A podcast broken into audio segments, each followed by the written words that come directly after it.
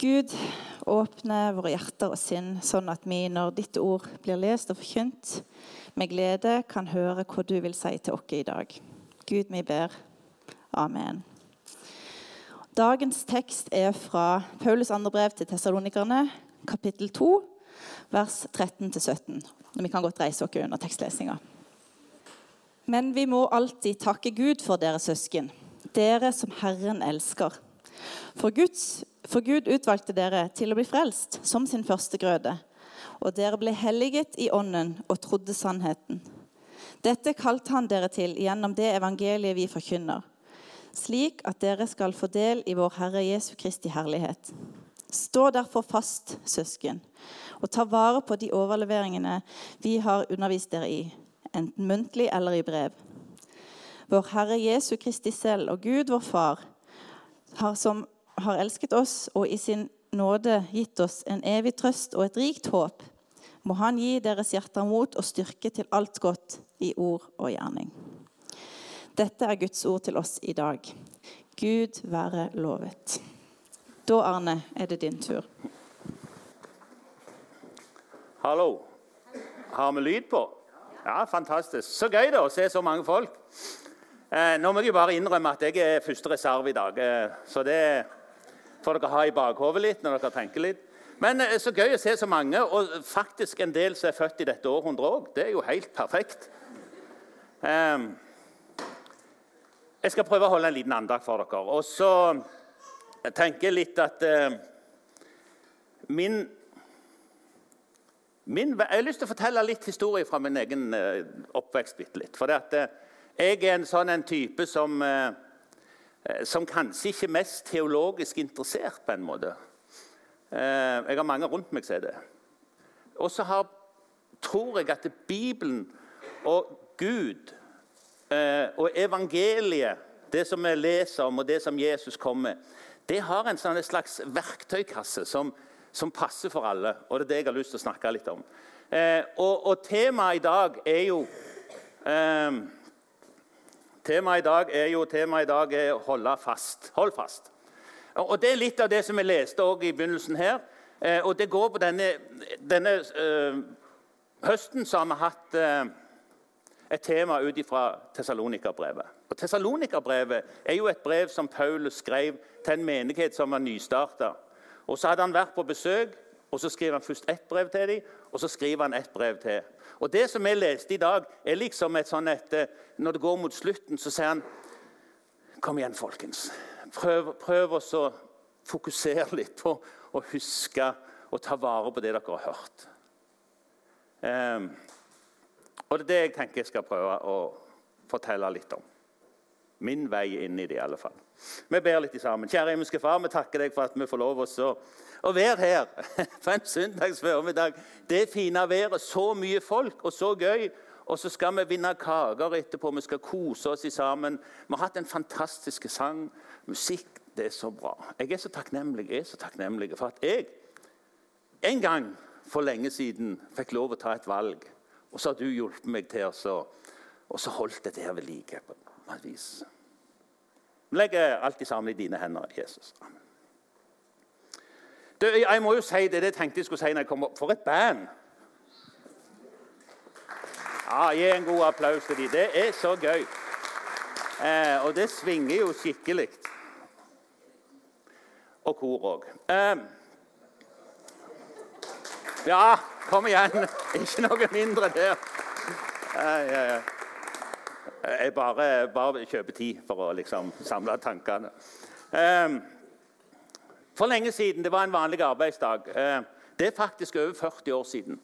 Ehm, en helt vanlig arbeidsdag for meg. Jeg, nok, jeg, tror, jeg, tror jeg, jeg hadde fått lappen, og så holdt jeg på og kjørte gravemaskin. Og så var jeg, jeg bodde jo på Madla da og var, holdt på å grave ut ei, ei hustomt.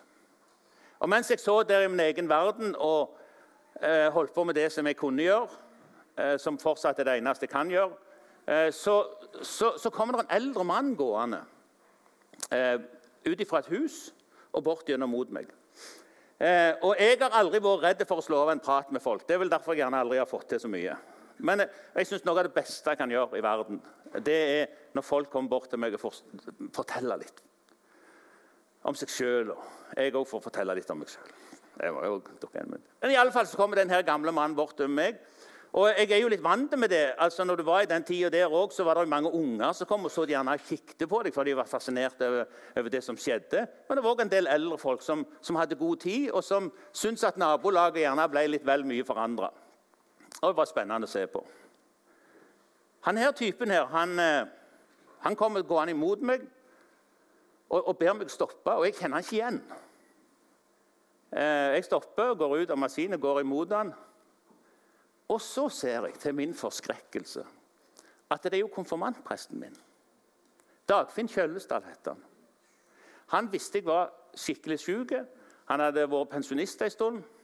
Og det var jo en stund, Jeg tror jeg var 18 år. eller noe sånt. Det var en stund siden jeg hadde stått som konfirmant.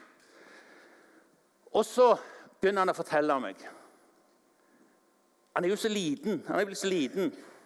Og så hadde han litt sånn underbitt og litt sånn intense øyne og store briller.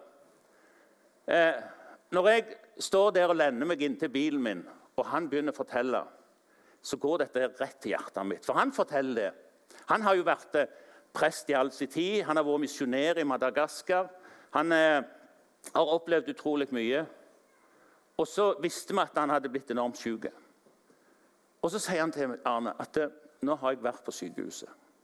Og Jeg har vært så nær i mørket og så nærme døden. Jeg trodde ikke jeg skulle komme tilbake igjen.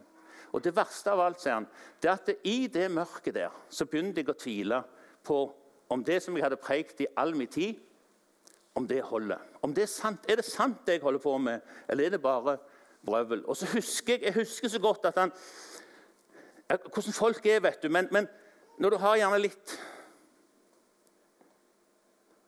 Du må gjerne se en del ting gjennom brillene. Men når det er ekstra viktig, så er det akkurat som du bøyer deg ned og så ser du over brillene.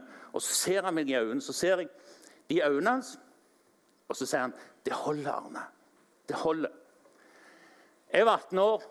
Eh, jeg, eh, det gikk rett i hjertet mitt. Det holder. Jeg tror det at når Gud på en måte leter inn i sin verktøykasse, så finner han en verktøy til enhver. Min familie er jo en sånn familie med mange søsken. Min eldste bror han er jo eh, snill og grei. Han har vært misjonær. Bror nummer to han er sykt snill og grei. Han, han har skjelt meg ut én gang, og da kalte han meg for Baldrian. Og det, det, er liksom det sterkeste uttrykket jeg har hørt noen gang. Min bror nummer tre han har vært predikant siden han er 16 år. Mine søstre Jeg har tre søs søstre. Eh, de er bare snille. De synger og spiller på høy gitarføring og tverrfløyter og, og, alt det som, eh, som bare er good, vet du. Så kommer jeg inn i den der familien.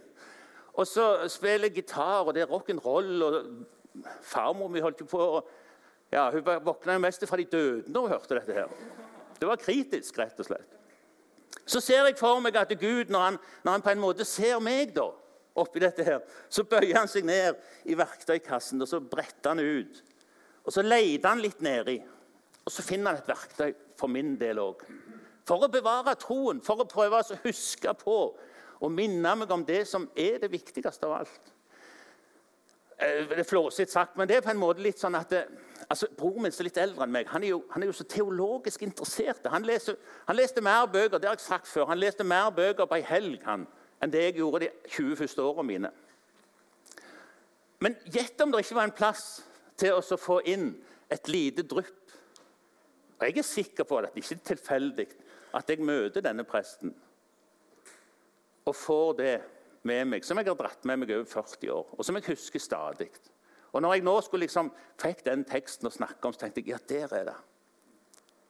Hold fast på det du har hørt og det du har lært. For han presten hadde jeg hatt som konfirmantprest. Og det er litt sånn til dere konfirmanter òg. Slapp litt av. For jeg husker ikke én ting av hva han sa i hele konfirmanttida mi. Ikke et ord. Det eneste jeg husker, det var at når vi så og knelte ned, så besvimte han på sida av meg. Det sitter som spikra.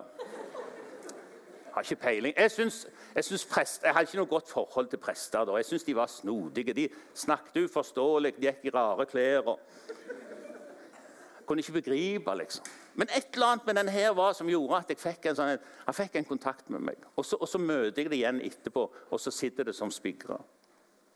For det er så enormt lett og så, og så miste ting. Eller, det det bibelverset sier. Prøv å holde fast på det du har hørt og det du har lært. Stå støtt. For, for jeg tror det at de, de viktige valgene de er så vanskelige å ta. Mens de uviktige valgene de går på en måte litt av seg sjøl. Det å følge strømmen, det å bare følge med. Når jeg ser tilbake på min ungdomstid og ser på alle de som, som, jeg var sammen med, og så vet jeg at en del av de fortsatt er på veien. hvis du sier det sånn. En del har på en måte vokst vekk og forsvunnet. Jeg tror jeg for så vidt at vi er på en lang seilas. Jeg tror at alle som er på en seilas, må inn i havn av og til og bunkre opp litt. Og jeg vet at alle som er på seilas, må en gang komme skikkelig til havn.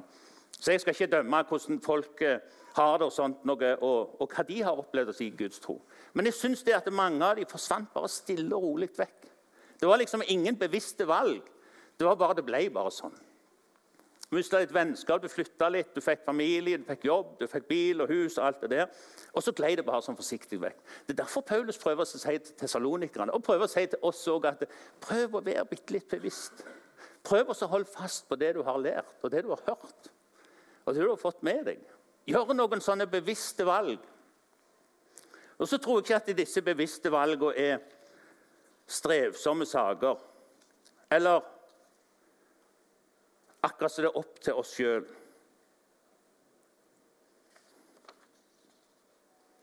Jeg tror at det bibelverset vi har lest nå, svarer enormt bra på det. For det er Jesus som først av alt vi leser, som har utvalgt oss og valgt oss. Det er på en måte han som har kalt oss. Altså Det ser utrolig mye opp til han. Og jeg tror at i hans verktøyskrin, i hans, i hans plass, er det nok. Og det er opplegg for oss òg. Hans kjærlighet til oss er fullkommen, leste vi. Han gir oss av sin nåde. Et litt sånn vanskelig ord. Nåde, jeg, jeg hørte nettopp en podkast. Eh, og Det var Mimir Kristiansen, som er i Rødt. En til. Og så var det Kjell Ingolf, som hadde en del, de snakket om markedskrefter. og sånn. Hvis dere går inn på den podkasten, må dere absolutt høre den. Hvor de egentlig sitter og skryter over hverandre. Eh, veldig bra. Men helt på slutten av den podkasten er han som er programleder for Rødt sin tenketank og Denne, denne er en rød, rød, rød, rød podkast. Så sier han det er et ord som jeg har tenkt på så mye i det siste, som jeg har glemt. Og det er ordet nåde, sier han. Vet dere hva nåde betyr? Det er litt sånn vanskelig. For meg er det et enormt viktig ord. I alle fall i et samfunn i dag som er et nådeløst samfunn, så trenger vi nåde. Nåde har noe med tilgivelse å gjøre. Nåde har, nåde har noe med som, som det er bare utrolig mye av. I min bibel så står det at det, hvis du trenger mye tilgivelse, så er alltid nåden enda større enn det du trenger. Den vil aldri ta slutt, på en måte. Den er ny hver morgen. Den er det du trenger til. Eh, hvordan skal du sammenligne nåde? For nåde er så dypt. Og Når Jesus sier for at du skal ha et godt liv, for at du skal kunne ta vare på disse tingene, så tilbyr jeg deg altså et opplegg, et produkt, og noe som er så bra at det er nok for deg. I at du gjør av til noe feil. I at vi driter på draget eller trør feil eller et eller annet sånn. Jeg har prøvd å tenke på det sjøl, for som jeg sier igjen, jeg er ikke noe teologisk men Jeg må ha ting praktisk inn. Men si at hvis du har, hvis du har vært på PC-en din og sett på noe eller et eller annet, Oi, det var dumt jeg gikk inn på. Så trykker du på hjørnet der oppe. ikke sant? Så sletter du den sida, tror du. Men, men, du ligger jo fortsatt i loggen din. Eh, du må inn og så slette loggen. Men hvis du tror du har fått det vekk med å slette loggen, så har du jo ikke det, for Google har det jo. Altså, De kan gå inn og se hva du har vært inne på, hva du har gjort. La meg si forskjellen er sånn hos Gud at nåden er sånn at når jeg har gjort en tabbe og ber Gud, og det kan være jeg må be mennesker også om unnskyldning, så glemmer Gud det. Så hvis vi av og til snakker her om en dårlig egenskap som Gud har, så er det hukommelsen hans. For hvis jeg har spurt han om tilgivelse for et eller annet, så, så er det ikke sånn at hvis det er fortsatt inni mitt hode og inni mitt sinn og mine tanker, så kan det fortsatt være filler'n at jeg gjorde det, at jeg sa det til den. Men når jeg kommer dagen etterpå og så spør Gud kan du be meg om tilgivelse for det, så, så sier han jo på en måte Hva da for noe? For Han vet jo ikke hva det er, for han har glemt det. For I min bibel står det at så langt som øst er fra vest, så hiver han dette her vekk ifra oss. ikke sant? Så han tilbyr oss en nåde som er så fantastiske, og som jeg har fått levd i, og som jeg har behov for hver dag å leve i. Som jeg har behov for overfor mine medmennesker, overfor de som jeg jobber sammen med, som jeg gjør feil med, ikke minst overfor min kone og mine unger. Jeg har behov for å leve i den nåden. Og det kan vi som kristne få lov å gjøre. Og Han sier òg at han har en evig trøst til oss. Han har et rikt håp, altså noe som ligger foran oss, som er vanvittig bra. Det står et godt håp i nåde. Og Helt på slutten så står det at han kan gi deres hjerte mot og styrke til, all godt, til alt godt i ord og gjerninger. Når jeg i min verden, som har lest som en kristen fra jeg var ungdom, og har lest Bibelen ikke så veldig sånn strukturert og sånn at jeg Bibel, har fulgt av bibelkunnskap, men jeg har lest Bibelen, og jeg lever i dette. her. Men sier alt det der, så skjønner jeg det at her er det altså en verktøykasse. Her er det et eller annet som tar vare på oss alle. Og vi er så forskjellige. Som totalt forskjellige. Så har Gud noe for oss alle sammen, som passer akkurat inn i min hverdag. Så visste han det var tilfeldig at jeg møtte Dagfinn Kjølesdal. Ikke tilfeldig. Han leda meg opp til dette. her. Rett etterpå så døde faktisk Dagfinn Kjølesdal. Han, eh, han, og broren Broren var litt yngre og litt eldre. De var forskjellige på alder. i alle fall. Begge to var misjonærer. Begge to hadde samme sykdommen. Begge to døde på samme dagen. Så det var òg den tingen. Så tror jeg det at eh, Paulus også skriver dette her i brevet til Tessalonika-brevet. Gjennom dette evangeliet Dette er vanskelig. Skal vi nå skal vi vinne vår Herre Jesu Kristi herlighet. Altså på en annen måte. Med det som Jesus har sagt, med det som Jesus har gjort klar for oss, med det som, som vi tror på, så er det en mulighet for oss å nå fram til det som Jesus har holdt på å forberede for oss i alle disse årene. Så Derfor er det sånn i min verden at når jeg møter det er søndag og jeg går over på mandagen, så kan jeg tenke at mandagen den har jo nok med sine egne plager. på en måte. Men jeg går jo inn i den fordi jeg har en trygghet i bånn at Jesus er med meg. Fordi jeg har bedt Jesus inn i mitt hjerte. Jeg har han ikke bare på utsida rundt meg, men han er jo der jeg går på en måte fra i hjertet mitt. Når jeg kommer til tirsdag, jeg kommer til onsdag og torsdag, og jeg vandrer fram gjennom liv, livet, så kan jeg ha den tryggheten i bunnen. Så er det ikke alltid det står så bra til. Det er ikke alltid jeg får til alt. Langt ifra. Syns ikke det har vært altså sånn Livsmessig og kvalitetsmessig på mitt liv og mitt kristenliv så har det vært veldig liten økning i forhold til da jeg var unge. Jeg skulle tro at det ble en bra kar etter hvert, men du sliter jo ofte med de samme tingene. Men det gjør ikke noe, for jeg vet at nåden er større, og det er en tilgivelse. Det er et eller annet som skjer rundt meg og i meg som gjør at jeg kan få lov å vandre på denne veien. Og Når 2022 blir 2023 og 2024, så, så trenger jeg jo egentlig ikke engste meg så enormt mye over det som ligger foran. Fruen er litt bekymra, for jeg engster meg jo ikke engang over økonomien. Og, og pensjonstilværelsen og pensjonspoeng og sånne ting. ikke sant? For at jeg vet jeg vet, jeg vet. Pga. dette vitnesbyrdet fra han ene presten som sa vet du hva, det du tror på, det jeg har preikt, det kan du få lov til å tro at det holder. Så har jeg hatt disse erfaringer sjøl. Ikke så dypt som han. Men pga. at noen har fortalt meg at jeg har levd i dette, her, så får jeg lov å tro og oppleve at det holder i liv og i død. Amen. Kjære himmelske Far, vi takker deg for dette vi får få lov å høre ditt budskap til oss. Takk for at du har et verktøy eller en verktøykasse eller et eller annet opplegg som traff meg. Som var helt annerledes enn det som traff broren min, og som traff andre. Du har noe opplegg for hver, hver en av oss. Og så tror jeg det at du har en sånn en, Du lar oss møte folk. Du lar oss høre ting, oppleve ting som skal være med og tjene til at vi forstår bitte litt mer hvem du er. Takk for at eh, disse her var villige til å sitte og høre på meg. Og takk for at vi trodde at du vil ta disse ord og disse tanker og det som er, og la gå inn i alles våre hjerter. Den som er født i siste århundre, den som er født i dette århundre, den som er konfirmant. Den som sliter med ting. Den som bare har glidd vekk. Den som har tanker inni seg om ting som, som er vanskelig, som bryter. At du vil møte hver eneste en i deres tid. Amen.